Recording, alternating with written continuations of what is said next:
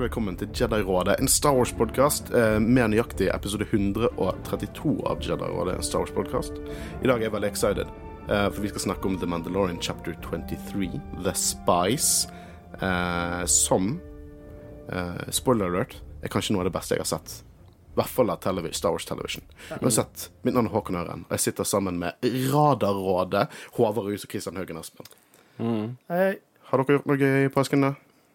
Tja, det var liksom ikke så mye. Annet enn at vi var på Celebration. Ja. Oi, Åh. Trøtt, sliten nå, men det var utrolig gøy. For en opplevelse. Hæ? Ja.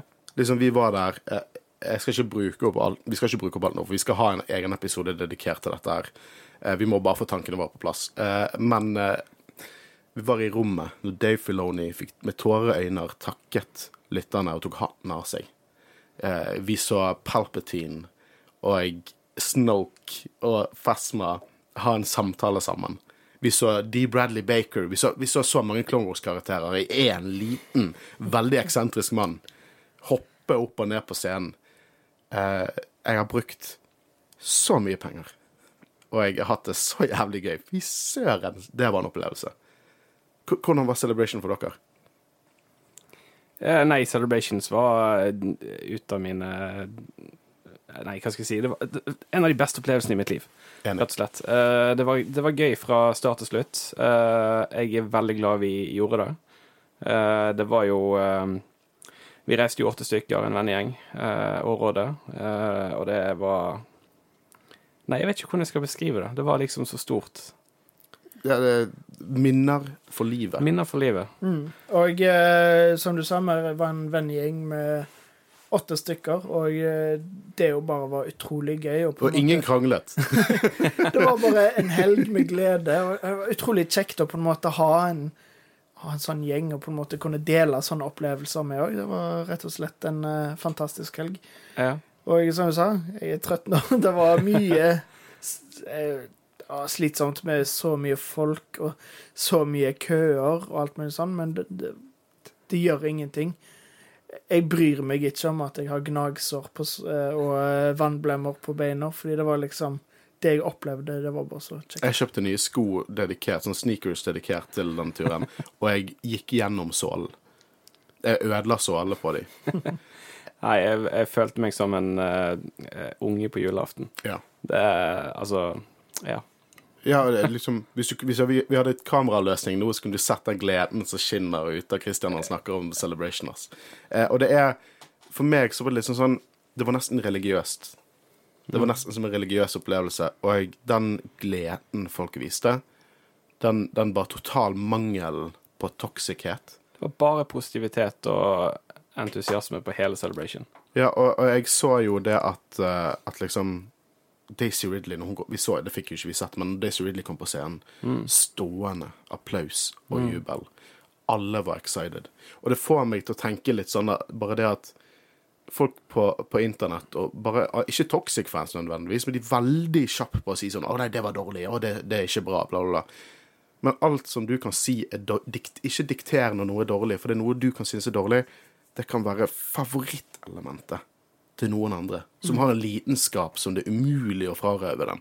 Og det fikk vi oppleve der det var bare glede og lidenskap, og det var så genuine følelser Ja. eh, at eh, jeg nesten tårer jeg av å snakke om det. ja. Eh, men vi skal jo snakke om The Mandalorian, og jeg holy, What the fuck did we just watch? Det var det noe av det sykeste jeg har sett i mitt liv. Jeg har egentlig bare ett ord å si om episoden. Jeg. Yes, yes, yes, yes, yes, yes, yes, yes, yes, yes. Ingen no, no, no, no, no. Bare yes, yes, yes, yes, yes. yes, yes. Og eh, på Celebration så, så så vi jo Katie Sackhoff på eh, den live-stagen der hun snakket. Og hun nevnte jo det at hun skjønte ikke at det bare var to episoder igjen, med tanke på hvor mye de hadde liksom filma, og eh, hvor fullpakka det var. Og jeg, jeg skjønner veldig godt hva hun snakket om. Det var så mye som skjedde i den, denne episoden. Ja, og jeg, ja. det er altfor lenge å vente til neste uke, men eh, vi skal snakke om dagens episode. Da. Ja, men jeg kommer til å se denne episoden fem ganger til eh, før neste uke. Jeg tror det er kanskje min favorittepisode av Live Action Television Star Wars. Du spurte, meg, du spurte meg forresten før vi begynte med innspilling eh, om, jeg var, om jeg hadde fått Om Celebration var liksom utmattende på slutten, men jeg følte Jeg, vi fikk, jeg følte iallfall at det var Alt jeg ville se, fikk jeg se. Utenom to ting, da. Ewan McGregor og Hayden Christensen, men det er også Kunne nesten ikke sett alt. Å, nei, men eh, Å, helt fantastisk. Men eh, yes, yes, yes. Yes, yes, yes. Skal vi hoppe inn i det? By the yeah. way, sosiale medier. eh, vi har Og tusen takk til alle som var med oss. Det vil si Guro, min forlovede. Ja! Marie, din forlovede. Eh, eh, Kenneth, Malene og Marius. Eh, de alle har vært med å bare styre sosiale medier i løpet av den helgen vi var der. Og vi har nå tre highlight, det er fire highlight eh, eh, segmenter inn på Instagram der dere kan se hver eneste dag, og det er liksom snakk om 40-60 ting i hver av de highlight-greiene. Så hvis, eh, hvis dere ikke har fått med dere liksom alt det vi har delt på Celebration, så er det fortsatt der. Så det bare gå og følg oss på Instagram. Eh, følg oss på, på sosiale medier generelt, og vi er å finne overalt. Og rate oss på Spotify. Do, your thing. Bare en liten sånn shout-out til de som var med på Instagram og postet og sånt. Det var utrolig eh, Vi var virkelig på. Vi var der. Ja. Dritflink, hele gjengen. Og turen hadde ikke vært sammen uten de. Nei. Eh, men uansett, vi skal hoppe inn i The Mandalorian chapter 23, The Spice.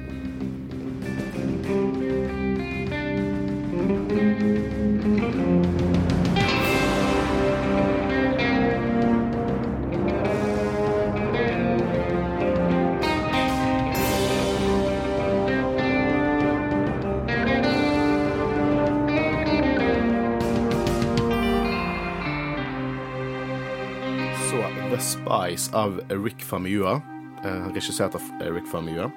Og det første jeg har lyst til å snakke om, eh, og da er det bare lov å hoppe frem og tilbake all over the place i denne episoden, tittelen OK, jeg vil begynne med slutten. Nei. Men tittelen Spionene. Hva er deres tolkninger? Det kan være så vidt. Altså, jeg har jo drevet og tenkt på om kanskje eh, The Armor kan faktisk være Ja, for hun reiste jo vekk akkurat før ting gikk til helvete. Ja, for det er, vi, Hvor mye vet vi egentlig om denne karakteren? Mm. Vet vi sånn 100 eh, hvor hun står? Eh, jeg tror det er noe veldig sånn overraskende som kommer til å bli revealed med henne. Men hva det er, det vet jeg ikke. Men du kan på en måte tolke at The Spice kan referere til at hun har faktisk vært en spion som jobber si for Moff Gideon. Eventuelt X, kanskje. Han reiste jo også vekk eh, når The, Imperials kom. Ja. Altså Du kan tenke deg tilbake altså, på den episoden hvor Moff Gideon, når eh, han New Republic-piloten, glemmer navnet hans, fant Carson Triva. ja, fant eh, skipet som skulle frakte Moff Gideon til fengsel. Ja. Ja. Eller the, the Tribunal, ja, whatever. eh, altså, der ble det jo sett Beskar. Det ble Mm. jo til og med zoomet inn på. Så hva hinter det til? Jeg tror det hintet til rett og slett at vi så Beskar Stormtroopers denne episoden. Det har på en måte vært min, min Ja, men kan det på en måte være en foreshadowing til noe annet òg? Absolutt. Så at, Alt jeg vet, eh, er at jeg vet nada. Ja, så at jeg lurer litt på hvor er, hvem er egentlig The Armor, og er hun det er den, en av de denne episoden refererer til? Mm. Er hun en spy, Jobben for Moff Gideon, eller er hun en Ja. Eh, For det, at det er tilsynelatende bare én spion i denne episoden, det er jo, det er jo Elia Elijah Kane, som vi ser i begynnelsen av episoden. Men vår godeste venn Marius eh, fra Tennisseerligaen, han eh, sendte meg en link til en Reddit-artikkel, eller Reddit-post, eh, og jeg sa at denne her er sikkert interessant for deg å lese. Og eh, den snakket litt om dette her med tittelen The Spice. Snakket om hvordan John Favreau Han er jødisk. Eh, og i Gamle testamentet så ble en gruppe jøder, eh, som også ble kalt det gamle hebraiske ordet spioner, sendt til Israel for å kartlegge seg et sted å bo og finne ut om det var eventuelle farer i det gamle landet. Eh, og jeg, etter jeg leste det, og det er også hentet fra en Reddit-bruker som også er jødisk, så tenker jeg holy shit, er dette bare en stor referanse til, til dette? Og de snakker jo i episoden at vårt, vårt folk har på en måte vært on the brink of extinction i over 1000 år, men vi har alltid overlevd. Og det er paralleller der. Ja, eh, jeg visste ikke om, eh, om den historien fra Det gamle testamentet, men når du sier det, det, det gir jo mening at eh, det er At det òg kan være den gruppen eh, som liksom drar ut til Mandalore senere for å bare kartlegge og eh, sjekke at alt er i orden og alt mulig sånn. Nei, ja, det, det samme. Jeg kjente ikke til akkurat den historien. Nei, ikke jeg heller. Men eh, det, absolutt. Altså, jeg føler alt er mulig, og ja, hvorfor ikke? jeg merket litt at når jeg har drevet og spaktisert, spekulert, spekulert om Mandalorian, så har jeg drevet og underskutt. Jeg har underskutt, liksom. Hele tiden. For det, i tidligere erfaringer har du overskutt. Sant? Jeg har overskutt, og så blir du skuffet når ikke ting skjer. Men nå har jeg drevet underskutt, og så bare kommer den episoden og bare liksom blows my tiny mind. Uh, for det vi får først se liksom underground, the, uh, underworld på Corsant med Elijah Kane som informerer Moff Gideon himself uh, om at det var liksom Dette piratene gikk til helvete, og de sto bak piratene. Jeg må si at det er ikke veldig diskré at en svær Imperial uh, probe droid Spesielt etter at vi så en life size en på Celebration. De er ikke veldig diskré. Ja, De er store. de er store, men dette her er The Underworld. Ja da. Det er jo der du finner disse her kjedelige tingene. Eh, og jeg, han blir informert at Children of the Watch og liksom The Privateers har gått sammen, og det liker han ikke.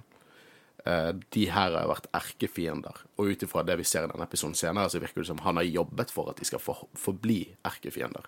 Som Bokutan sier i episoden, eh, det er ingen verdener, eh, systemer, skal måle seg med styrken til en forent Mandalore. Men deres svakhet er at de hele tiden er i splittelse.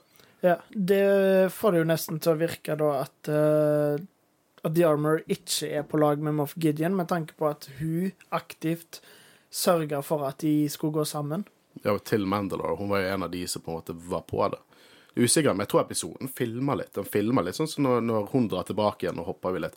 Så det filmer litt sånn sketchy. Liksom, hm, er det noe spesielt med henne? Ja, altså, det er jo òg en måte å se det på. Uh, det er jo sant, det. Men uh, jeg greier ikke helt å sette henne et Nei. sted. Selvfølgelig det kan det jo hende at hun har sin egen agenda og har samarbeida med Moff Gideon, men òg på en måte betrayer Moff Gideon med at uh, eh, Ja, nei, jeg, jeg vet Jeg bare understreker det nå. Jeg heier på The Armor. Jeg tror ingenting galt om The Armor. Nei, Problemet mitt mener er at jeg ikke greier å eh, sette, sette henne i sted. Nei. Jeg greier ikke å plassere hvor den er henne. Men uh, eh, absolutt. Uh, jeg glemte hva jeg skulle si, så jeg gir ordet ord tilbake til deg, Kokon. Apropos ikke klare helt å plassere hvor de er henne. Ja. Uh, I begynnelsen av episoden så var uh, Moff Gideon på en sånn undisclosed location. Jeg var sånn, Hvor er dette? The Starkiller Base? Hvor er det?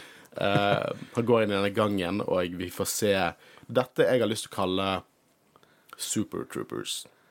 Fordi at vi ser nye Stormtrooper-rustninger. Eh, vi får vite senere at det er Beskar de laget av med jetpacks. Eh, veldig basert på concept art eh, til Supertrooperen, altså det som kom til å bli Boba Fett. Jeg fikk litt uh, ut ifra når han går gjennom disse her røde eh, Hva skal du kalle det? Anti-Obi-Wan Gates. Nei, men uh, i hvert fall han går gjennom disse røde portene som slår seg av en etter en, og det får jo litt sånn her uh, uh, til Phantom Menace med Ja, ja. Duel of the Fates med Kenobi og Vi ser altså Clone Tubes i bakgrunnen. Masse shady greier med kloning i bakgrunnen. Hva er det som skjer her? Ja. Og så får vi The Shadow Council. Som er, som er dødskult. Det er jo uh, det som ble opprettet uh, i uh, The Aftermath. Ja, det, det er mye som henger igjen der, men det er også en verdens kuleste retconning.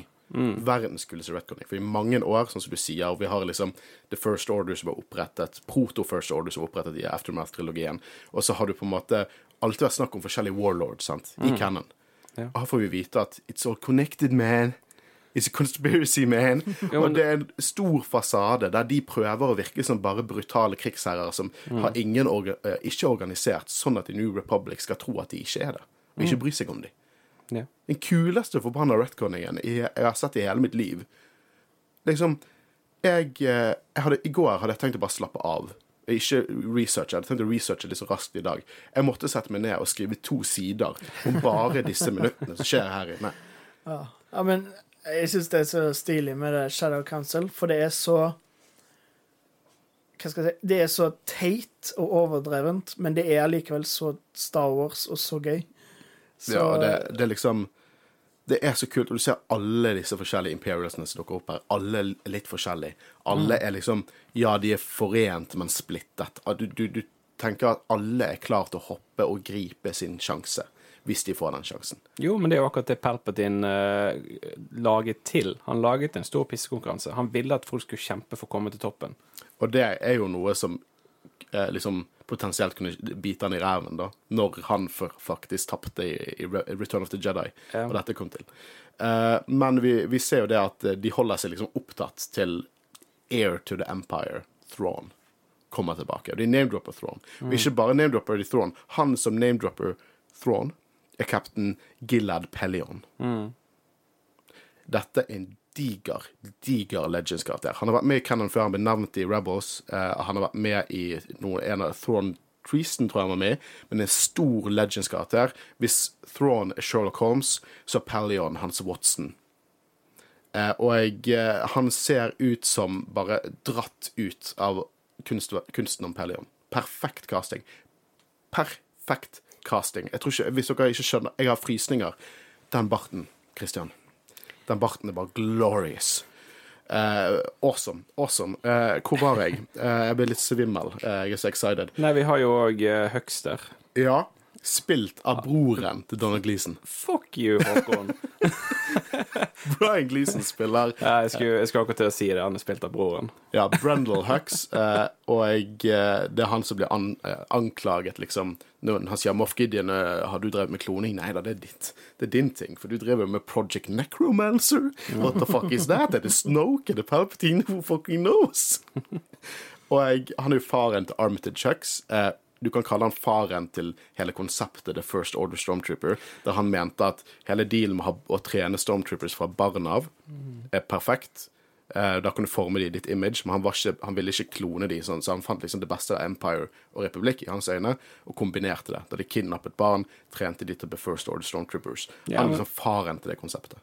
Ja, det, altså Denne episoden her er virkelig en som knytter opp til eh, eh, starten på det som blir The First Order. Eh, jeg holdt på å si De troopersene som vi får se helt i slutten, med Beskar-armer til Spoiler alert! Gideon.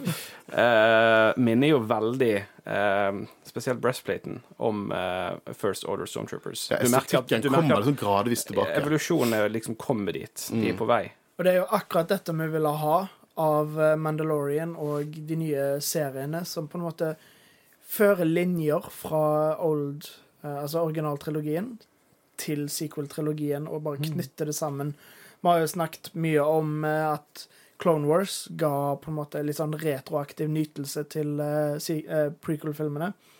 Føler vi er på vei til nå at kan si hva du vil om eh, sequel-filmene og eh, hvor bra de var og sånn. Jeg liker det jo, det har vi jo snakket om, men det er diverse mangler, så jeg setter veldig stor pris på at de på en måte knytter det sammen og gir mer kontekst til de filmene. Enig. Helt Helt enig, helt så enig, enig. Og helt som du sier, Christian, den, den First Order-estetikken kommer tilbake, liksom. Mm. Og du merker, for du vet at, vi vet at uh, Brendel Hux, som kommer til å ende opp død i hendene til Armitage Hux og Fasma, som på en måte tar en eh, liten kupp der.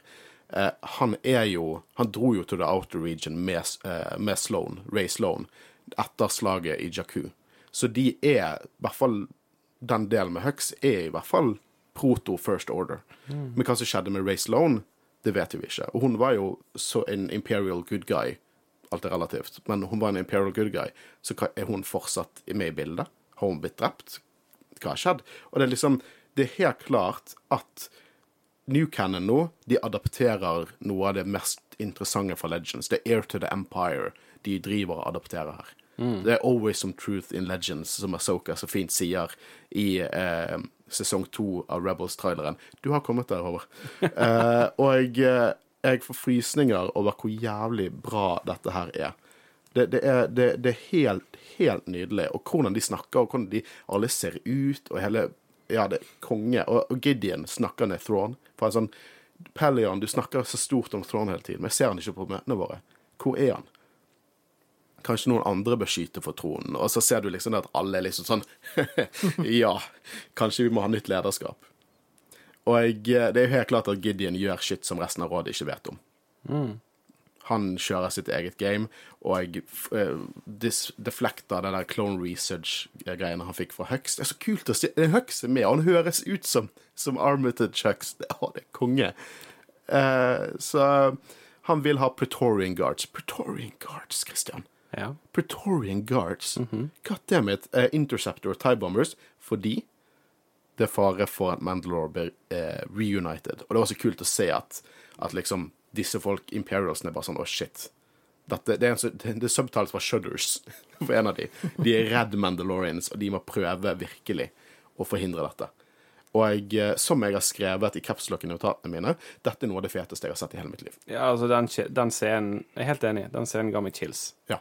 Rett og slett. Eh, helt forbanna nydelig Star Snakk om Wars. å åpne episoden med et pang.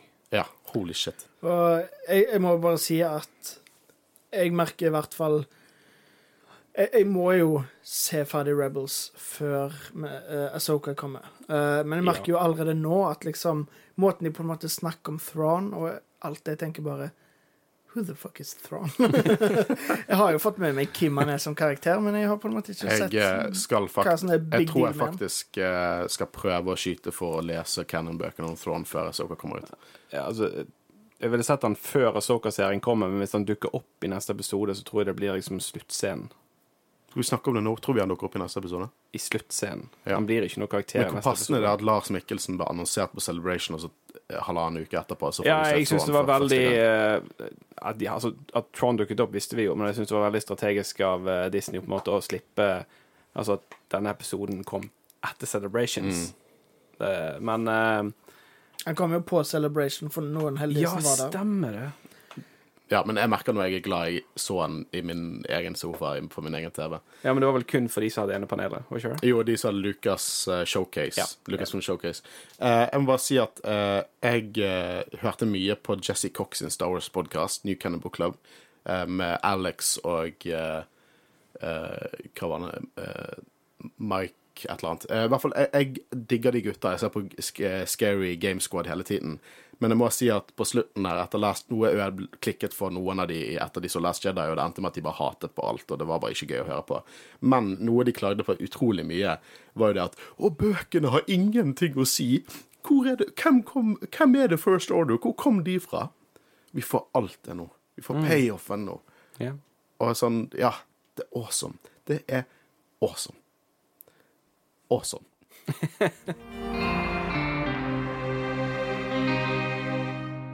Så nå hopper vi til Navarro, og vi får se The Mandalorian Fleet i all sin glory, med nydelig musikk fra Joseph Shirley. Og vi får se liksom alt hva som skjedde med Du ser den cruiseren komme med Mythosaur-signeten malt under skroget. Og du ser eh, Gosanti Cruisers, og du ser fullt av Gauntless og Fangfighters. Det er helt nydelig. Det er så filmatisk. Og jeg eh, Rett og slett eh, eh, Grief Karga som forklarer til Droiten sin hva som skjer her. Eh, det er bare skalaen. Det er så sinnssykt. Og når jeg tenker på hvor filmatisk det er, så er det sånn Drømmen min om at dette skal bli konkludert i en film, det skjer. Dave Filoni skal lage en film som konkluderer dette og Asoka. Liksom Hvilken timeline er det vi lever i, gutter? Liksom? What the fuck? Sorry, det er, det, kommer, det er mye banning for meg, og det kommer til å være mye banning for meg. Og lytterne, bare, for den saks skyld. For det er mange som har akkurat samme tankegang som jeg har nå. Um, men vi får se det at uh, ene Grogu sitter på fanget til Bokutan. Det gjorde meg veldig lykkelig. Uh, og vi ser hvordan Bo er ganske nervøs hvordan The Privateers, eller The Night Owls, uh, og Children of the Watch kom, kommer til å komme overens. Eh, en ting jeg legger merke til, den scenen de gikk mot hverandre, og eh, Privateers nesten sånn tar av seg hjelmene bare for å prov provosere litt. Grann. Mando på en måte passer ikke inn hos noen av de, bare sånn paint scheme-messig. Det er nesten som han er på en måte noe nytt. Han er liksom det neste. Blankt lerret, kan du si.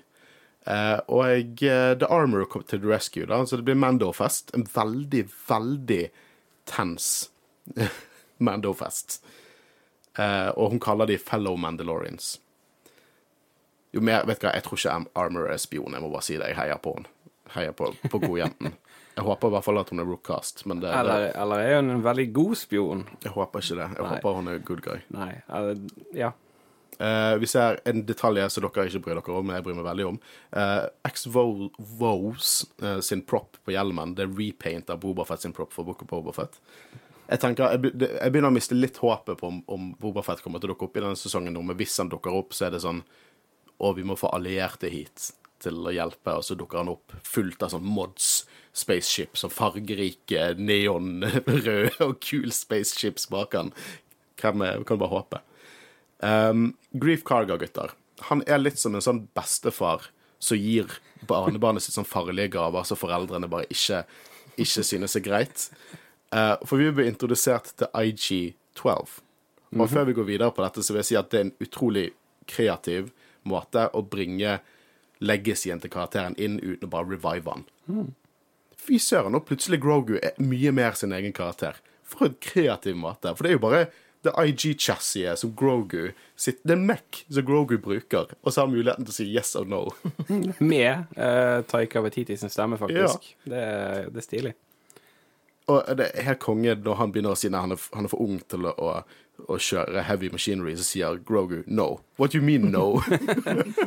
Nei, men det, du, du, han, nå får du på en måte se at Grogu forstår 100 alt som Ja. folk sier til han. Og det er jo eh, I og med at han ikke kan snakke, så er det jo veldig praktisk å ha en yes or no-knapp. ja, absolutt. Det er litt sånn som du ser de videoene av hønene som har lært å trykke yes or no. Ja, ja, på Instagram. Ja, ja. Eh, og når han går bort til denne venduen og begynner å ødelegge og spise maten, og så sier Mando 'this isn't working for me'. Jeg, altså, han hadde jo stålkontroll. Han Ja, stålkontroll. han kunne styre han uten problemer. Og selvfølgelig litt lite tilbakeblikk til Ann som har laget denne til han. da. Eh, og vi får se litt av den, den der eh, intense Mando-festen eh, der Boketan tar ordet og sier at de må ta tilbake Mandalore. Skal ikke du snakke om den scenen når de beveger seg og Grogu skal gå og spise? Jeg sa det nettopp. Sa du det? Ja, it isn't working for me, og maten og Å ja, ja. jeg, sorry, jeg fikk ikke med meg. Du, han er sliten etter Ja, jeg fikk ikke med meg. Jeg bare tenkte å, det var et søtt moment og uh, morsomt, men uh, Det var beklager, det. beklager, Men det- beklager, det Håkon. god- Beklager. God eh, komedie. En ganske sånn alvorlig episode. Ja. på, sånn som Star Wars bør være, og, og ofte er. Mm. Eh, når Bokutan tar ordet, vi må ta, tilbake Mandalore, og de må sende flåten in orbit rundt planeten, og så må de sende ned en scouting crew. Og det er kjempeklisjé, Sånne scener er kjempeklisjé, men det treffer meg uansett. I need volunteers fra begge stammer. Og eh, Din står opp sammen med Grogu, som reiser seg liksom stolt opp, og, og Bo selvfølgelig, og Paz og Koska og X og The Armor, og fullt av red shirts. Eh, de bare De skal med, og så skal de liksom scoute Mandalore, for de skal finne et sted å bo igjen. Og musikken er bare bygger seg opp, og det er, eh, er dåner. Ja, og jeg likte òg utrolig godt måten det liksom I begynnelsen var litt sånn som den eh, forrige episoden, når de snakket om å hjelpe Navarro, men at det på en måte Bokutan sa talen sin og på en måte venta på volunteers, og så var det litt sånn skeptisk, ingen som gjorde det, og så plutselig var det kjempemange.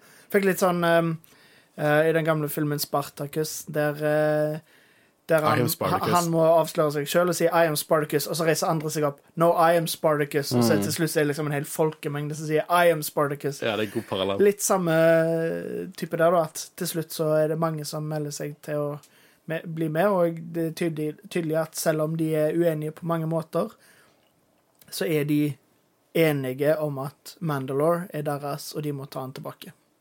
Ja, det, det er helt nydelig. Det er helt nydelig. Liksom Åh, det er så bra.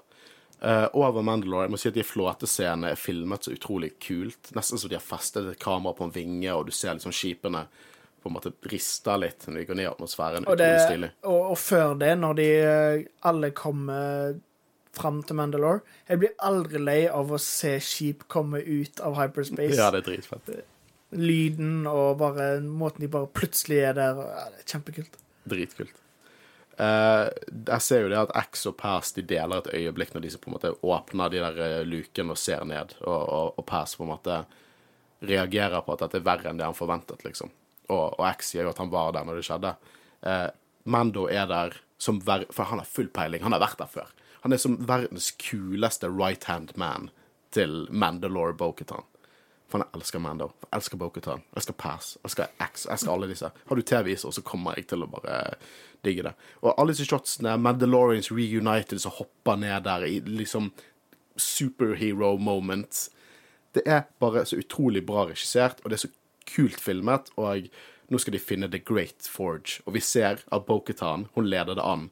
Og hun klarer ikke unngå å ha et lite smil. Det er, jeg er så glad på hennes eh, vegne. Og det neste jeg har lyst til å snakke om, gutter, det er det jeg har eh, dubbet. Dere kan godt ha andre navn, men jeg kaller de Mad Maxolorians. Det var faktisk akkurat det jeg tenkte på når jeg så den episoden. Var liksom Samme viben med bare gå rundt i ørkenen på sånn der ni, omtrent hjemmelaga landskip. Det var et veldig uh, kult design òg. Utrolig kult design. Og hvordan du på en måte ser det best større og større i horisonten. Dritfett. Uh, Jeg, jeg, jeg, jeg dro ikke Mad Max-parallellen, men eh, eh, jeg dro litt mer uh, at eh, nå kommer Jack Sparrow og Pirates of Caribbean. Men, ja, men hvis, det, hvis den spøken funket. jeg har sett mange av uh, har tatt pirater. Jeg bare liker hvordan Mad Maxolorians ring ruller Ja, med ja, ja, tungen. ja, ja, absolutt. Eh, og det er overlevende, rett og slett. Badass-looken, slitne Mandalorians. Vi ser Skinny Pete har fått seg en ny jobb for Breaking Bad. Det var kult å se han. Eh, og de tjener fortsatt Lady Bokhatan. Eh, og da har jo de gjerne større styrke, og vi får denne scenen Bokutan egentlig De sitter med dette bordet, og hun forteller hva som faktisk skjedde. Det var, det var dypt. Det var veldig dypt. Og det vi får vite, er jo det at hun, hun faktisk overga det. Når de tenkte at hun kjempet og kjempet, men hun overga det og ga fra seg Darksaberen til Moff Gideon og ISB i håpet om at de skulle spare Mandalore etter A Night of a Thousand Tears. Noe de ikke gjorde. De, eh, Moff Gideon forrædet henne. Og jeg, jeg liker den lille scenen når Koska på en måte Hun kan ikke bare sitte og høre på dette. Hun har lyst til å stå opp for sin Mandalore, rett og slett. Men Bokhatan holder henne tilbake. Fint lite øyeblikk. Eh, vi ser får også noe svar om Children of the Watch. For det at uh, disse her uh, Man Maxolorians de lurer på om de Death Watch, siden de snakket om at de overlevde fordi de var på Concordia. Men hun sier at Death Watch eksisterer ikke lenger. Det knuste ned til mange mindre fraksjoner som har kriget og vært uenige. Uh, og det er jo her vi får denne talen. Mandalore har alltid vært for mektig for noen å slå. Det eneste som gjør de svak, er deres interne uenigheter. Og så er det kanskje min favorittscene i hele episoden, og det er Mando som tar en liten For denne episoden har alt. Ikke bare at det er så jævlig mye kult, men den har tid til å puste også. Og det får vi i denne scenen når Boketan og Mando på en måte har en liten samtale. Um, der hun på en måte tviler på seg sjøl, og Mando kommer og på en måte Nå forstår han. Og eh, når hun tviler på seg sjøl, så sier han at alt jeg vet om Darksaber, er det du har fortalt meg. Min stamme bryr seg ikke om blod, stasjon eller denne, dette våpenet. Det han bryr seg om, er karakter, lojalitet og ære. Og disse tre tingene er grunnen til at han følger Lady Boketan. Og han vil tjene henne til hennes sang er skrevet. Og det er en mektig scene. Hvordan, har dere tanker om den scenen? Altså Hele scenen når Bo-Katan begynner å snakke om at hun eh, overga seg for å redde folket sitt, eh, og når eh, The Armor snakker om eh, Death Watch, at det ble splittet opp i flere fraksjoner, eh, og den scenen nå med Din Djarin og Bo-Katan, eh, det er veldig sterke øyeblikk. Eh, og dette med at eh, deres, deres eh, svakeste eh, deres, de, Svakheten deres, var det jeg mente jeg skulle si, eh, er det at eh, det er splittelsen som gjør at de taper. Og det, det, det er liksom Du merker at kanskje de nå lærer dette.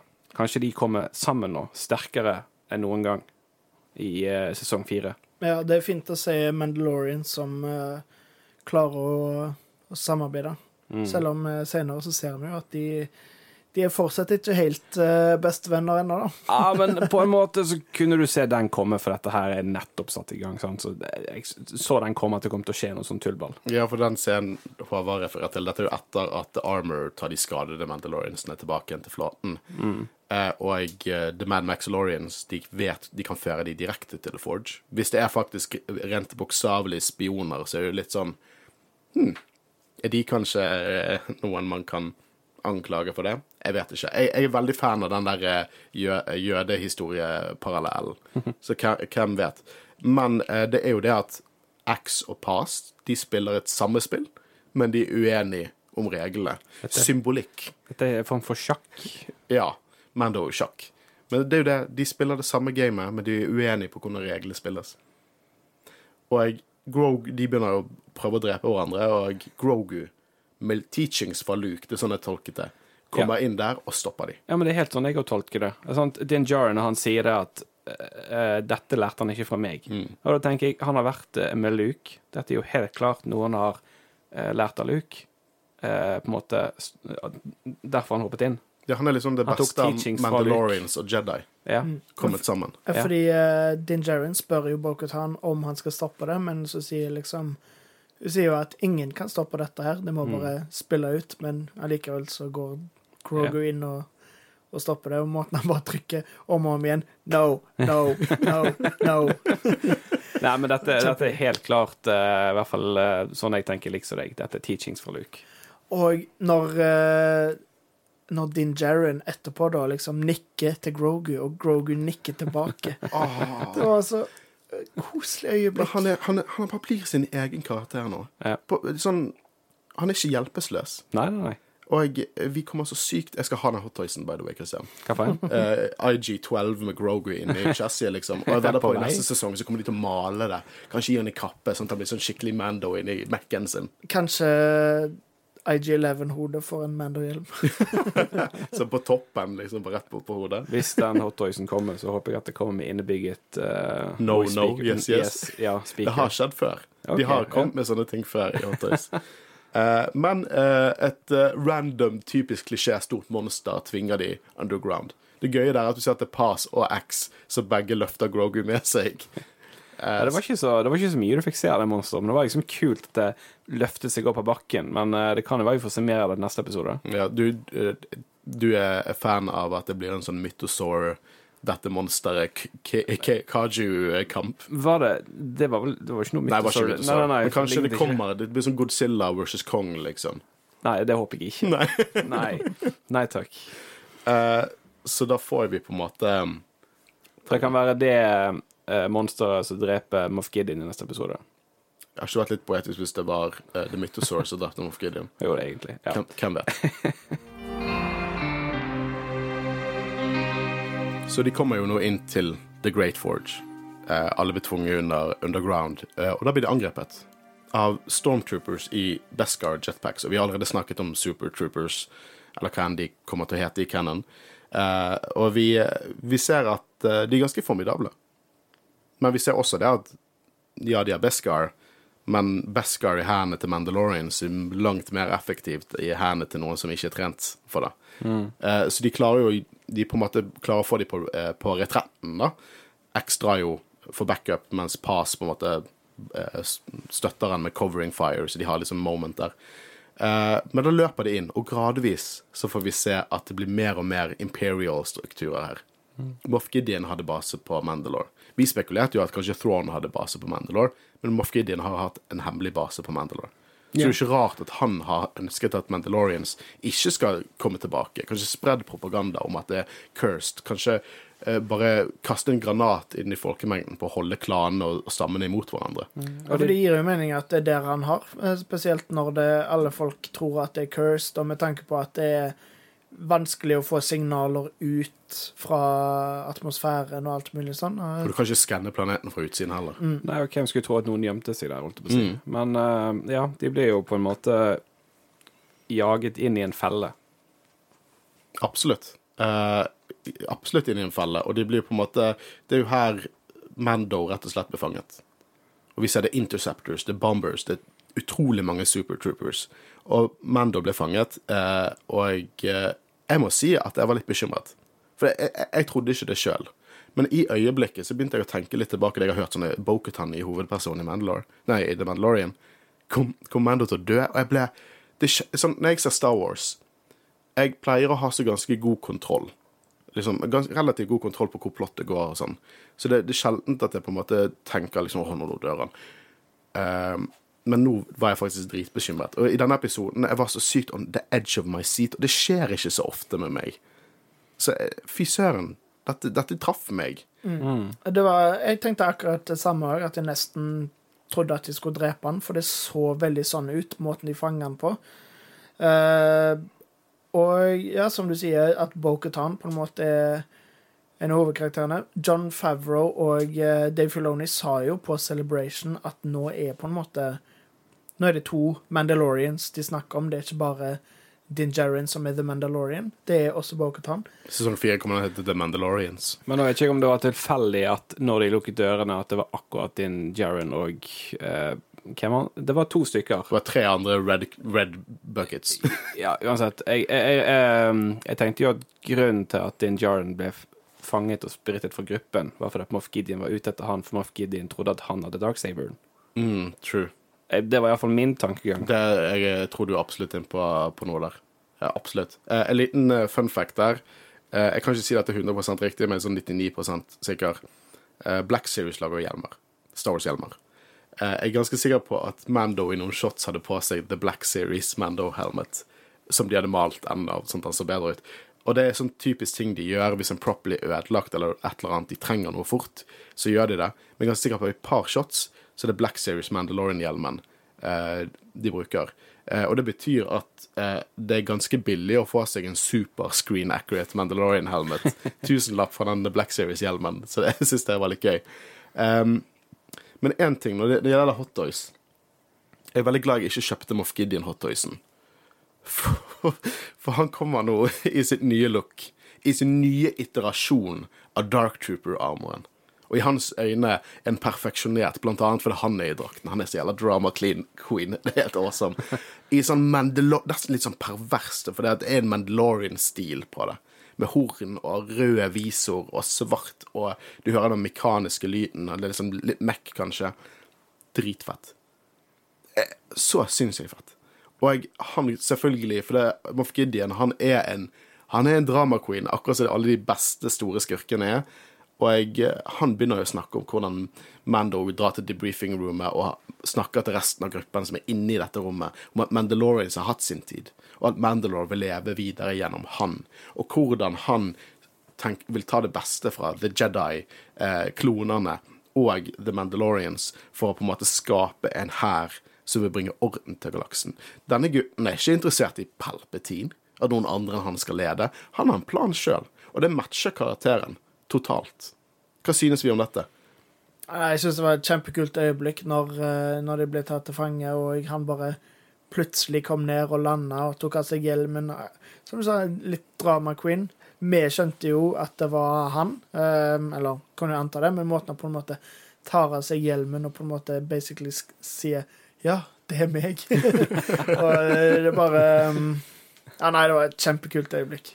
Og liksom, Jeg husker at folk var litt sånn hvor er antagonisten? Men Moff Gideon har jo virkelig fort blitt en av de store, ikoniske antagonistene i Star Wars-universet, i min mening. Og du trenger jo ikke ha en antagonist i hele serien, spesielt måten de har gjort det før. Eller eh, i hele sesongen, da. Eh, Måten de har gjort det tidligere, med måten at de har bygd opp til at de skal gå sammen og sånn, og så nå får de endelig litt motstand. Eh, Så jeg syns det passer veldig fint at vi har hele tida gjennom hele sesongen hinta at Moff Gideon fortsatt er der ute, og her er han. Ja, så prakt. Jeg liker litt hvordan de har hintiset teaset litt til han gjennom sesongen, liksom. Hva skjedde med Moff Gideon? Hva, hva er denne eh, Lambda Class Shuttle som hadde Moff Gideon? Hva betyr dette? Og så kommer han tilbake i liksom the mest badass moment ever. Ja, ja. Jeg skulle bare legge til, for jeg er enig med det dere sier. Eh, Så kan jeg bare si at han vet hvordan han skal gjøre en, en tre. Å, visst faen Det- gjør han det. det- det- han- han Eh, og konge. du, Moff, du har fortjent en plass i mitt glass, glasskap. Du har tross alt TV-viser på deg. Um, han sender jo også bomberne og uh, interceptorene alle mot flåten for å bare ta ut Mandaloriansene. Jeg liker hvordan han sier sånn 'Takk for å samle alle på ett sted'. Det gjorde det enkelt for meg. Eh, og han vil jo selvfølgelig ha The Dark Saber.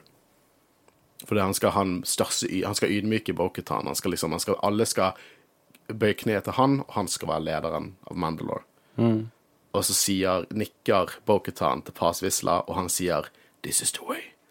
Og så begynner de å kutte seg ut. Og eh, Paz Vizsla, de åpner dørene, han går ut, for han skal bare mest badass moment ta ut alle disse supertrooperne som lander. Og This Is The Way har aldri hørtes mer episk ut. Han går ut som en forbanna champ. Liksom blasteren hans smelter, han bruker den som et slagvåpen. Holy shit, for en Chadelorian. Altså egentlig alt du har opplevd med han i denne sesongen her, gjør egentlig denne, dette øyeblikket mye mer sterkere. Mm, det er så fortjent. Eh, det, ja, for det, ta for eksempel eh, når din Jaren redder sønnen hans, og han akseptere Mando, og hvordan han nå eh, støtter han mer enn hva han gjorde før. Eh, alle disse øyeblikkene vi har fått med eh, Pasvisla eh, i denne sesongen, eh, og hvordan han står frem, eh, gjør dette øyeblikket, hans død, mye sterkere. Og måten han dør på òg, det er jo igjen på en måte Det er jo klisjéfullt. Eh, Måten han på en måte eh, vil liksom Når de har kommet seg ut, og så sier Bokhatan OK, nå er det klart, bare bli med oss nå. Og så bare lukker han døren og sier There are too many. This is the way. Og så bare begynner han å skyte. Det er jo ja, som, som jeg sa, det er klisjéfullt, men det er jo så impactfullt. Det er Det er liksom Som Josh Lucas sa, eh, vi bruker klisjeer for klisjeer funker. Ja, nettopp. Og, Og, eh, det gjør det at han faktisk klarte å ta alle, og bare ble slått ut av sånne Praetorian Guards, det gjorde det bare enda bedre, fordi han er en badass, og uh, han fikk en badass død. Han gjorde det. absolutt. Og han ble drept av disse her uh, Pretorian Guardsene. Ja, veldig så, la, type Last Jedi Pretorians. Bare de så selvfølgelig litt annerledes ut. Litt mindre rustning, mer Mandalorian-inspirert hjelmer. Hadde ikke overrasket meg om deres rustninger var laget av Beskar. Altså. Jeg leste forresten et sted at uh, på de uh, troopersene uh, Merket de har på hjelmen sin, er fra den originale, originale Bobafett. Ja da, Det er derfor jeg kaller de Super Troopers. sant? For Ja. det, det var originale Jeg var Ja. på sånn Bobafett-panel på Celebration. eh, men ja, det, det er jo derfor for det, Og det syns jeg bra du tok det opp, fordi at Du, har- du, har- det- dette er ikke en ting til du har nevnt tidligere i episoden som jeg har ikke fått med meg. Jo, lite grann, men det er bra at du tok det opp, Christian. Eh, fordi at Så jeg er er litt sånn uh, uggen etter Celebrations. Jeg merker at uh, jeg har fått noen uh, influensasymptomer. ja, Paul har truffet meg ganske hardt. Ja. Eh, men det stopper ikke oss fra å spille inn. Nei, aldri. Eh, men eh, ja, for det er på en måte tidlig Empire Strikes Back pre-production, så var det på en måte OK, The Empire skal ha disse supertrooperne med jetpack, og, og, og, og de skal se liksom så stilige ut. Og så eh, på en måte gjør de det nå. Eh, over 40 år senere. Ja, fordi eh, en av grunnene til at jeg gjorde det om til Bobafett, var vel fordi det ble rett og slett litt altså, er det dyrt. Det er absolutt og, et element av det. Mye å lage som en liksom stor gruppe med troopers. Altså gjorde det bare om til Boba Fett, sånn som vi kjenner han, på en måte. Så det er jo veldig kult at de tar det konseptet og faktisk kan gjennomføre det sånn som de ville ha det originalt. da. Og så er det verdt å merke at in universe er det på en måte helt klart en videreutvikling av Imperial Mandalorian som vi så i Rebels. Du har ikke kommet der ennå, over? Men uh, helt klart en videreutvikling av det. Uh, men også de, å se disse Pretoriansene episk, filmatisk Altså, musikk, må, ah, musikken når de kommer ut uh, og skal slåss mot Basvisla Fy søren. jeg fikk- Fullverdig sagakvalitet. Det, det var frykten fryktende å se på. Ja, og jeg, det er så irriterende, for det at nå, mens vi har snakket, jeg funnet ut Nei, denne episoden jeg, jeg hadde en plan, gutter. En Jeg hadde en plan. endgame på når jeg ble ferdig med på en måte hottoysene mine. Jeg hadde fire figurer til jeg skulle ha. Så kommer denne episoden. Ikke bare gir de meg Grogu in Mech, som jeg må ha. De gir meg Super Trooper, som jeg må ha. De gir meg Pretorian Guards, som jeg må ha. Og Så gir de meg Moff Gideon og Mandalorian Armor, som jeg må ha. Det er fire hot hottoys på én episode. Jeg klarte meg så bra. Jeg hadde nettopp fått Shiny eh, Season 2-Mando i, i glasskapet, og Asoka og Bokutan. Jeg var kjempehappy. Og så kommer dette. Men det, det gøyeste er jo at du tror det slutter her. Nei, det gjør ikke det. Nei. Det kommer Thrawn og Sabine og Chopper og Hera og Åh, fy søren. For en tid vi lever i. Ja. Uh, helt sinnssykt. Uh, vi har selvfølgelig lyttere, og vi snakket ikke om deres meninger forrige uke, uh, men det skal vi gjøre nå.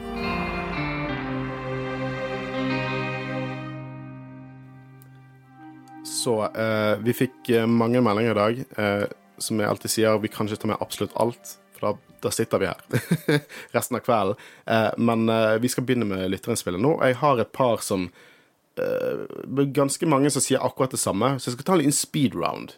Det høres greit ut? Så vi begynner med muligens beste live action-episoden til nå. Så det er en som sier yes, yes, yes, yes, yes, yes. Yes. Uh, og så er det en som sier holy shitballs, beste episode av Mando. Beskar Troopers og mer Mandos. Yes, yes, yes, yes. Yes, yes, yes, yes går veldig mye om igjen. Uh, Innertier, fem av ti, ti av ti, terningkast osv. osv. Star Wars er bare perfekt. Denne episoden var det siste beviset vi trengte på det. Hjertet. Fytti helvete. Excuse the language. Eh, beste episode av alle sesonger, blant det beste av all Star Wars, faktisk. Får gang på finale. Eh, og til og med Harry Potter-fansene kommer ut av, eh, av sine dormitories, for Uglepostpod sier yes, yes, yes, yes. Eh, og min personlige favoritt, utepils i varmen. Folk er excited. Jeg fikk frysninger av å lese gjennom dette her. Eh, og så har vi noen andre der vi faktisk kommer til å diskutere litt. For å si det sånn, vi fikk ikke en eneste negativ eh, mening om denne episoden. Alle elsket det. Eh, her. Endelig får jeg poeng for å ha lest Air to the Empire og Aftermath. Pelion og Brendel. Ja! Vet du hva, ja! Jeg er så hypet når de tar liksom sånn canon-bøker og trekker det inn og gjør det viktig i, i mainstream canon. Det er dope, Christian. Det er dope. Det er så jævlig dope. Ser ut som Håkon uh, skjelver. Skal ta rød i trynet. Nei da, men det, det er dope. Så det Og så her, så Best Guy det var det Stormtrooper trengte for å være mildt fungerende. ja, det, det er vidunderet. Det er dessverre ikke plot armor for de, da. De vet jo ikke helt hvordan de skal bruke det. Men ja, det var kult å se et skremmende Empire her. Ikke virkelig skremmende Empire. Og Du så det shotet av alle de jetpackene komme ut. Vi så jo først med de der uh, Mad Maxiloriansene, når de kommer med jetpack, så sier det armored. They're Mandalorians. Og det er noen som sier det samme med, uh, Mando sier vel det, når de ser alle jetpackene, og så sier Bogotan no, they're Imperial, tar på seg hjelmen. Og dritfet actionsekvens der. Uh, jetpacken til The Armorer er helt lik Rook Cast sin, bare sier det. Um, jeg har sett noe på Star Wars Legion-miniatyrfiguren av Rookcast, og da, det er samme type look, liksom. Litt avlang med to sånne litt sånn Rocketeer-stil thrusters på sidene. Eh, så den ligner, men jeg, jeg, jeg, vet hvor du kommer fra, og jeg er fra samme sted. Jeg vil det skal være Rookcast. Jeg trenger at det skal være Rookcast. Jeg vil virkelig at det skal være Rookcast, så jeg er enig med deg. Er Skinny Pete fra Breaking Bad blitt Mandalorian? Jeg er glad på vegne til Skinny Pete, jeg. Var så dypt inn i drug-miljøet, og nå ser på han nå. Ja, det er gøy å se. Altså, han er jo en flink skuespiller, selv om uh, i, uh, i, Breaking Bad så spiller han jo en veldig drug-karakter. så nei, det var utrolig gøy å se han som Ja. Mandalorian. Absolutt. Det er jo flere fra eh, Breaking Bad i uh, serien òg. Moff Gideon, mener du? det som er så gøy å høre Giancarlo Esposito snakke om, han så vi også på livestagen, by the way. Uh, og når jeg gikk inn på, um, på Hvilket panel var han gikk inn på? Han sa i hvert fall 'Long live the Empire' når jeg gikk inn på et av panelene sine. Men uh, det er så gøy å se han snakke om sine sånne skurkekarakterer. For han mener Moff Gideon hadde knust alle de andre. Han hadde ikke, hadde ikke sett på liksom, Gustavo eller hva han heter. Bare, pirk, bare tatt, pirket han vekk med fingrene sine. Uh, her er en siste fra meg. 'Injected into my veins'. Enig. Helt målløs. Og hallo, får vi throne allerede i siste episode. Fem, uh, prosentandel. Hvem tror Altså, tenker du da i løp opp til 100% hvor mye får se han i Nei, neste men episode? får vi se han? Fra prosent 0 til 100. Hvor sannsynlig er det? Min tanke er at hvis vi får se han i neste episode, siste episoden av Mando i sesong tre, så er det egentlig i slutten. Ja, Men hva er prosenten? hvor sannsynlig er det at vi får se han? Ja. Gi meg et tall, Christian. 70. 70. Jeg er enig. 70 69. 69. ja, men end credit scene. Uh, og så blir det interessant å se hvordan hans forhold til Gideon blir, da. Eh, Jeg, jeg tror Tron er uh, mer inne i bildet som the big bad i Altså, han er jo the big bad, bare i det skjulte. mm. Eh, jeg tenker jo det at han kommer til å være en større figur i sesong fire i Asoka, og være the main bad i eh, filmen. Du tror, ja, for det er det jeg håper at avsluttende Det- det er min. av Throne, liksom. Men hvis han kommer fram i neste episode, så er 70% sjanse og 70% sjanse, og vi får se han i slutten. Jeg Han er håper, jeg håper han dukker opp med en sånn flåte med Star Destroyers og en ny Chi- Chimera Star Destroyer, og bare sier med sin sånn monotone stemme at eh, Moff Gideon har become a liability, og så bare Åh, Jeg elsker Star Wars. Jeg er så glad i Star Wars. Nå er det, Tror dere det, er Moff Gideon dør neste episode, at det er Mm. han som blir skurken? Godt mulig. det, det er fullt mulig, Mm. men uh, hun også. Uh, faktisk, i og med at uh, Cheapa hans, Chimera Mm. Du har ikke eh, kommet der ennå, Håvard. Nei. I og med at båten min nå er ferdig på verksted, så er det jo passende tidspunkt å døpe han til Camera. Ja. Du må bare si at Nei, det er en, det er en sånn Hydra tegnet under skroget, men dere kan ikke se det, for det er under vann. Ja, men jeg kan uh, tegne Sidgeten på uh... ja, det, det, det hadde faktisk vært jævlig kult. Det var jævlig kult. Ja, det er en god, god story til Instagram, tenker jeg. Men Håvard, du har, uh, du har fått en lang en i dag. Hei, Jedi-rådet, en Star Wars-podkast. Det var da vitterlig litt av en episode. Nå går det hytte Nå går det hytte hekka meg fremover her. Ikke metahåpet mitt er at Thrawn og Gideon blir oppslukt i en så intens intern maktkamp at New Republic bare kan valse over dem, og Navarro og Mandalore kan leve fritt i fred og fordragelighet. Men det er dårlig TV. For underholdningens skyld tillater jeg meg å håpe på en badass team-up. Asoka må jo også ha noe å bryne seg på. Hun er jo som kjent ikke helt udugelig, og det var ikke, og det var ikke en spesielt uinteressant trailer vi fikk under Celebration. Selv om all denne interseksjonaliteten lukter ille av MCU, som ikke annet enn er dårlig tegn. Det er ikke tema her, men det er også tydelig i emninga at det må være lov å ytre en bekymring for at Star Wars skal bli Hulken og Spiderman på lag.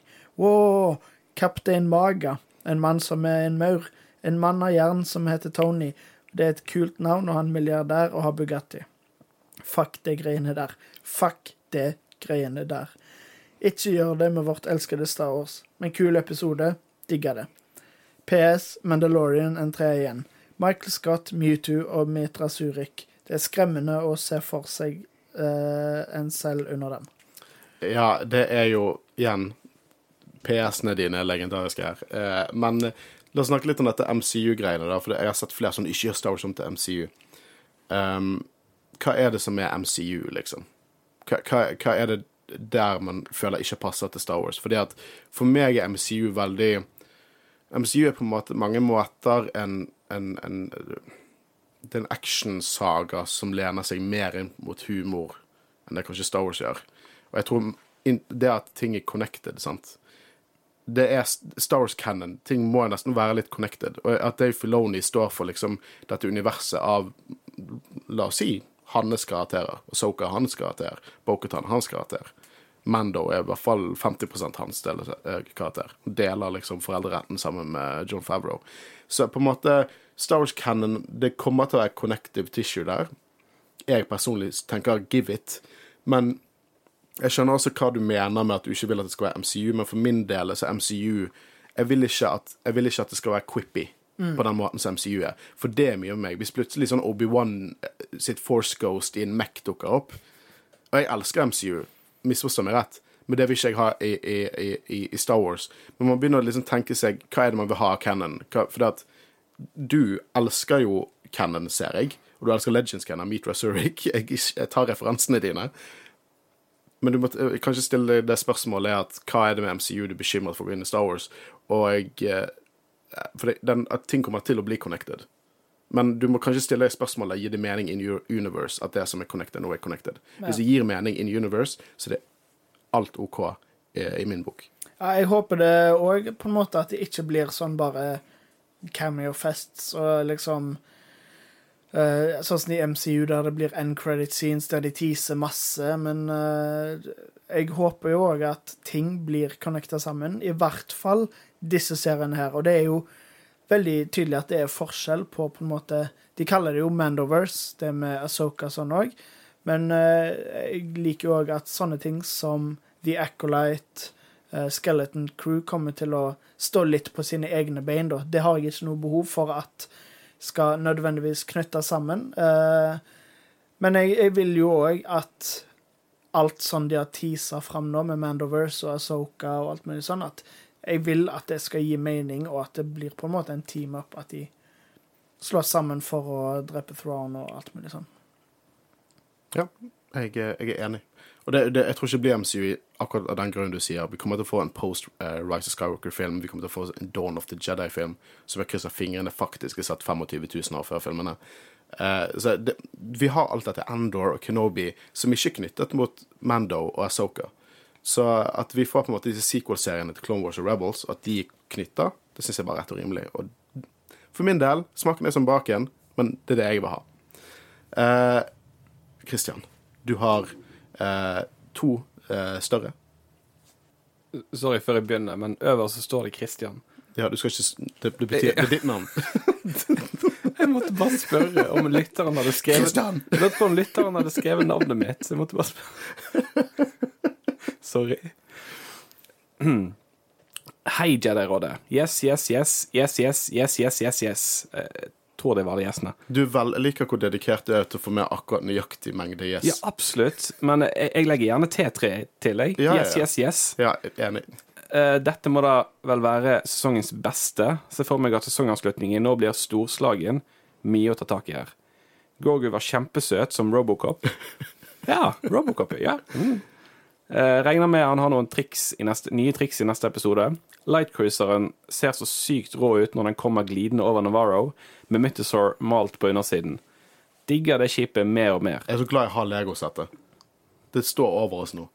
Jeg må bare finne ut hvordan jeg skal bygge opp Mythosaur under. Skal du kjøpe sånn klistremerke av Mythosaur? Nei, jeg, jeg brick-bildet der. For det, jeg, jeg, eh, det er en nettside som heter Rebrickable, der folk laster opp sånne OK, her kan du modifisere offisielle sett. Så jeg bare venter på at en eller annen som er mye flinkere og mer kreativ enn meg, laster det opp, og så skal jeg fikse det. Ja.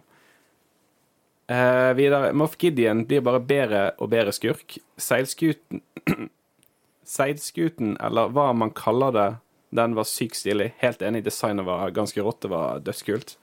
Synd den ble kus, knust så fort. Fryktet virkelig for livet til Din Jaren et øyeblikk der. Eh, rest in peace, Passvisla. Kommer mytosauren og redder dagen i sesongavslutningen? Spørsmålstegn. Og takk for alle celebrations-oppdateringene. Ja, det er utrolig stille episoder. Jeg tror vi egentlig har, eh, svart på mye av dette gjennom episoden, men eh, Har vi egentlig tatt opp eh, spørsmålet Ser vi Mythosaur i neste episode? vi ser den i neste episode. Det tror jeg. Definitivt. Men eh, takk for at du sier takk for celebration-oppdateringene. Eh, Jeg kan si at vi er litt stolt av at vi på en måte har klart å opprettholde det så my mye. Ja. Vi blir liksom fort fanget opp i det, sant? Så, men at vi var, vel, vi var alle der var så dedikerte. Igjen takk til alle som var med oss. Og takk til deg som fulgte med på det. Det var jo på en måte for lytterne våre vi gjorde dette her. Så det, det, er gøy, å- det er gøy å se at vi fikk så mye positiv respons på det. Ja. Det, det betyr mye for oss. Og du har en første en, og hun sendte til oss via e-post. Helt riktig. En uh, relativt ny lytter, og det er kjempegøy. Uh, hei, dere. Takk for at dere lager en så enormt trivelig podkast som jeg oppdaget nå rett før tredje sesong av Mandalorian. Min favorittpodkast for øyeblikket. Tusen takk for det. Ja, det var det. Åh, ja, tusen takk. Eh, jeg likte veldig godt The Spice, selv om jeg ikke helt har forstått hvem tittelen sikter til. Det har vi på en måte diskutert, så det blir spennende å se. Eh, ble helt på ekte lei meg for Pasvisla, og, skik og skikkelig nervøs for din og det The Briefing Rommet. Det, er det som skjer i neste episode, da. Ja. Nå er det Grogu de som redder han, men håper Mando får en badass moment i siste episode. Absolutt. Eh, satser på at Grogu og Bo setter i gang redningsaksjon. Orker ikke en ny runde med venting til Mando sesong fire eller Bobafett sesong to. Ja, jeg, Er det, er, kommer det egentlig? Det har blitt teaset uh, via spanske eller meksikanske, tror jeg. Beklager. Uh, Disney Plus. Uh, men hvem vet? Men ja, den ventingen. Jeg hater det. Vet du hva? Når, når, når Star, Disney annonserte at de kjøpte Star Wars, så var jeg redd for å dø. Jeg var redd for å dø for å ikke oppleve det. Den frykten har kommet tilbake. Jeg har dødsfrykt, for jeg er redd for, jeg er redd for å ikke få sett Star Wars. Jeg har et problem. Eh, eller Bobafett sesong to, før Grogu og din uh, gjenforening. Grugleder meg til siste episoden. Oi, oi, dere må bare debrife masse. Uh, dere har kanskje allerede spilt inn ukens pod, men har uansett et par ting som jeg har tenkt på i etterkant. Og heldigvis for deg, yeah. så har ikke vi gjort det. Så det første Jeg klarer ikke helt å bli trygg på de armorer. Jeg tror egentlig ikke at hun har slått seg sammen med Tron, men kan virke som hun skjuler noe. Eventuelt vil Lucasfilm lure oss litt her for å skape usikkerhet. Flere som føler på dette. Og det er litt sånn det er, Som jeg sier, jeg, jeg spekulerer litt om episoden refererer litt til henne, eh, og at hun på en måte kan være en spy. Men det Jeg er tror bare det de vil at vi skal spekulere rundt det. ja, det er akkurat det. For, men problemet mitt med er at jeg ikke greier å sette helt, som jeg sa tidligere, en, en finger på henne. Ser jo liksom- på hjelmuttrykkene hvor hun Ja, egentlig er. absolutt. Nei, men det er, liksom, det er liksom bare det. At jeg liksom tenker at hun kan på en måte være en spy til Moff Gideon. Men altså, who knows? Mm. Eh, noen innvendtanker rundt spørsmålet? Nei, jeg, jeg, jeg føler vi har diskutert det litt. Jeg, jeg krysser fingrene for at hun er Rookcast, og at hun er good guy. Ja. uh, men uh, vi får se. Ja. Kult monster, men det forsvant raskt igjen. Uh, føler dette bare var en teaser. Tipper på at monsteret kommer tilbake siste rundt og tar knekken på Gideon. Kanskje helst i ledetog med Grogu. Uh, ja, holdt jeg på å si. Du glemte hilsen Camilla. Og eh, beklager, jeg, jeg tenkte mer på spørsmålet uh, som kom før jeg gikk videre. Men det jeg kan si helt på slutten, da, før vi går tilbake til det, eh, at det står 'Gleder meg til ukens pod'. Hilsen Camilla. Og tusen takk for eh, innspillet, Camilla. Det var veldig hyggelig å høre fra fra vi deg. ønsker alltid folk velkommen Ja. eh, til, eh, til å høre på oss, og det er kjekt at du eh, sender oss en meldinger. Det betyr, det betyr faktisk mer enn jeg kan sette ord på. Ja, ja. eh, Det er helt eh, Ja. Det er derfor, derfor vi gjør dette. Det ser du nettopp. Jeg slatt- jeg sleit med å sette ord på det. Ja, du, du brakk litt i stemmen. Rett og slett. Men uh, til, eh, til den nummer to der, så uh, jo da. Det monsteret kom bare liksom var ti, sek ti sekunder med screentime. Tror dere dukker opp igjen, eller tror dere det bare var en sånn måte å få de underground og miste skipet sitt på? Jeg vet, jeg vet faktisk ikke helt. Uh, kanskje bare det at de skulle miste skipet sitt, men de var jo De fant jo The Forge med en gang de gikk under bakken, liksom. Så Mm. de hadde jo ikke akkurat trengt å få bruke et monster til å få det under bakken. Ja, fordi nå, det som er nå, da, er at de kom jo bare i ett skip, og det var skipet til Bokhatan, som The Armor nå har tatt opp til atmosfæren. Og de har ingen mulighet til å kontakte dem, og uten det skipet så er de jo på en måte stranda. Men hva, hva skal X gjøre? Skal han fly, skal han fly med jetpacken sin opp til flåten? Hva er planen, X? Nei, jeg er utrolig spent på neste episode. Jeg, jeg har en liten spekulering eh, eh, angående Mando, som vår Mandalorian, Din Djarin, gode gamle. Jeg lurer litt på om han blir dehelmeted eh, forcefully neste episode. Det er jo en tradisjon at eh, hver sesong så tar han av seg hjelmen på en eller annen måte. Og jeg lurer på om han velger å ikke ta den på seg igjen på den måten som han har gjort før. At han, han velger å på en måte være mer chill med akkurat denne hjelmregelen. For hvorfor skal han bli en apostate nå? Nå er det unified Mandalorians. Så han kan jo velge sin egen vei. Så jeg lurer litt på om det er det som kommer til å skje neste episode. Kan godt hende. Det er jo kjekt for Pedro Pascal, da. Man kan få vise Ja, men han får jævlig Fjeset dårlig tid, da. Ja, nå må han jo faktisk være på settet. Men det, det er spennende å se. Jeg er så er super excited på sesongfinalen. Og selvfølgelig, eh, vi driver og planlegger hvordan vi gjør recap-episoden med Eirik Bull fra Filmmagasinet, som vi møtte der nede, eh, forresten. Han var på presse der nede. Så det kommer en dypere recap-episode om Celebration. Men vi må rett og slett sånn, Vær helt ærlig, alle dere som hører på, dere vet alle nyhetene. Dere, dere vet de allerede. Men, eh, men potensielt vil dere kanskje høre vår take på det. Så vær litt tålmodig, skal vi samle tankene våre, og så skal vi få ut en episode. Jeg lover episoden med Erik Bull skal ha bedre lyd denne gangen. Vi har lært vi skal lyd, at lydsjekk er viktig. Eh, og så kommer det før eh, dere vet ordet av det. Har dere noen siste tanker om episoden? Mandalorian er gøy. This is the way. Ja, det er tøft. Som eh, min gode venn Christian en gang sa om en annen Mandalorian-rustning. Eh, igjen, musikken her laget av, av eh, Arild Øren Vanvik og, eh, og Einar Johansen. Jeg klarer ikke navnet til mine egne venner og familie lenger. Eh, sjekk ut Arild sin musikk på der du hører musikk. Han har Jedi Rolle album, eh, og så jobber han med Asoka-theme til oss, og det blir jo tatt i bruk allerede i august. Så mye er på gang her. Uansett, mitt navn er Håkon Øren. Jeg har sittet her sammen med Håvard Og Kristian Høgen Aspen. og vi snakkes neste uke. Ha det bra. Ha det bra.